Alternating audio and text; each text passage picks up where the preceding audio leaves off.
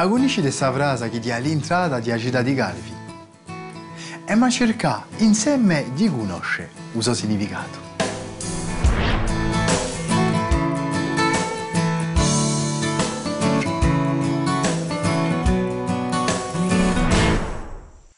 Dopo Bonifacio, in XII secolo, Genova pia o busesso di di Galvi in XIII secolo.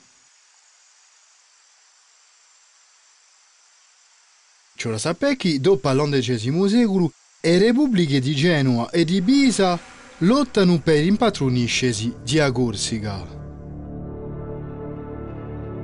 Si sa che l'isola è un luogo strategico importante.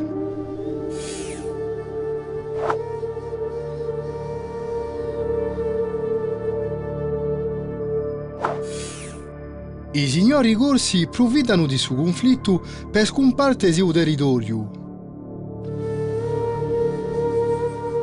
È così che Giovanninello della Petralarada, signore di Unebio e a favore di Genova, s'oppone a giudici di Ginarca, aliato a Pisa. In 1272, con l'aiuto di Genova, Giovanninello pia Subrana nanta giudici e lascia città di Galvi a Repubblica di Genova.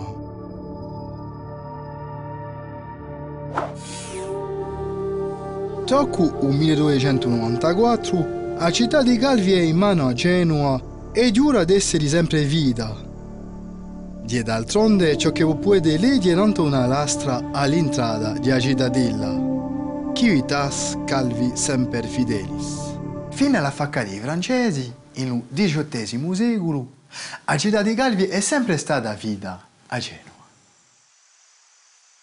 Il 1453 l'ufficio di San Giorgio, che è infatti un associo di genuesi ricchi ricchi che gestisce la Corsica, decide di rinforzare il posto di Galvi, luogo prediletto per Genova.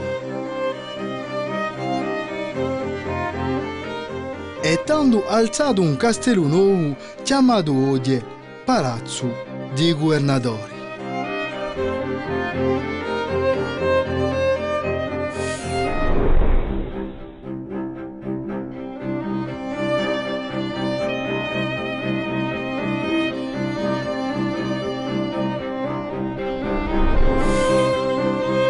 la precisa che dia infatti sul luogo stesso che la chiama cittadella a senso proprio militare e mica l'insieme di agita fortificata. E di nuovo a quei tempi che la venne fondata la famosa torre di Amarina, che serviva dando di deposito di sale. Ciò la sapè che i galvesi sono tenuti da cittadini genuesi. Con questo statuto particolare, i genuesi possono pretendere ad avere un impiego pubblico. Possono essere giudicati da Genova e essere franchi da certe tasse.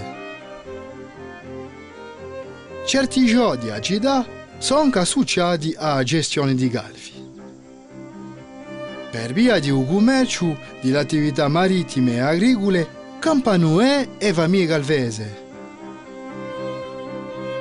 Sa divisa permette agli abitanti di Agida di acquistare opere d'arte e di costruire parecchie iese come l'oratorio Sant'Antone o la Iesa Santa Maria di Asera. E forse per questa che la si può spiegare a fedeltà dei galvesi a Genova.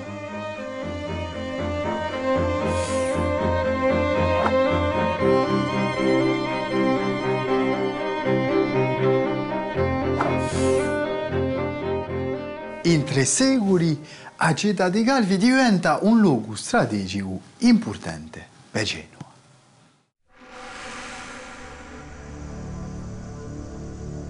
È così che tra un 1553 e un 1555 la città sarà assediata dai francesi alleati ai turchi di Dragut e ai truppe di San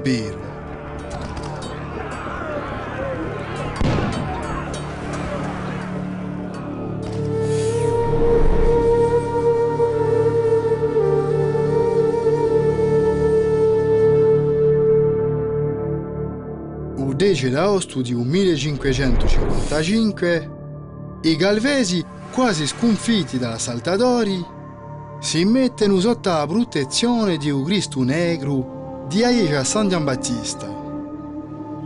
E dopo una resistenza accanita, vincono a battaglia. Fino al XVIII secolo il presidio di Galvi starà in mano a Genova. Oggigiorno, la città di Galvi, come parecchie città di Corsica, tiene sempre stampe di uso abbassato, genovese.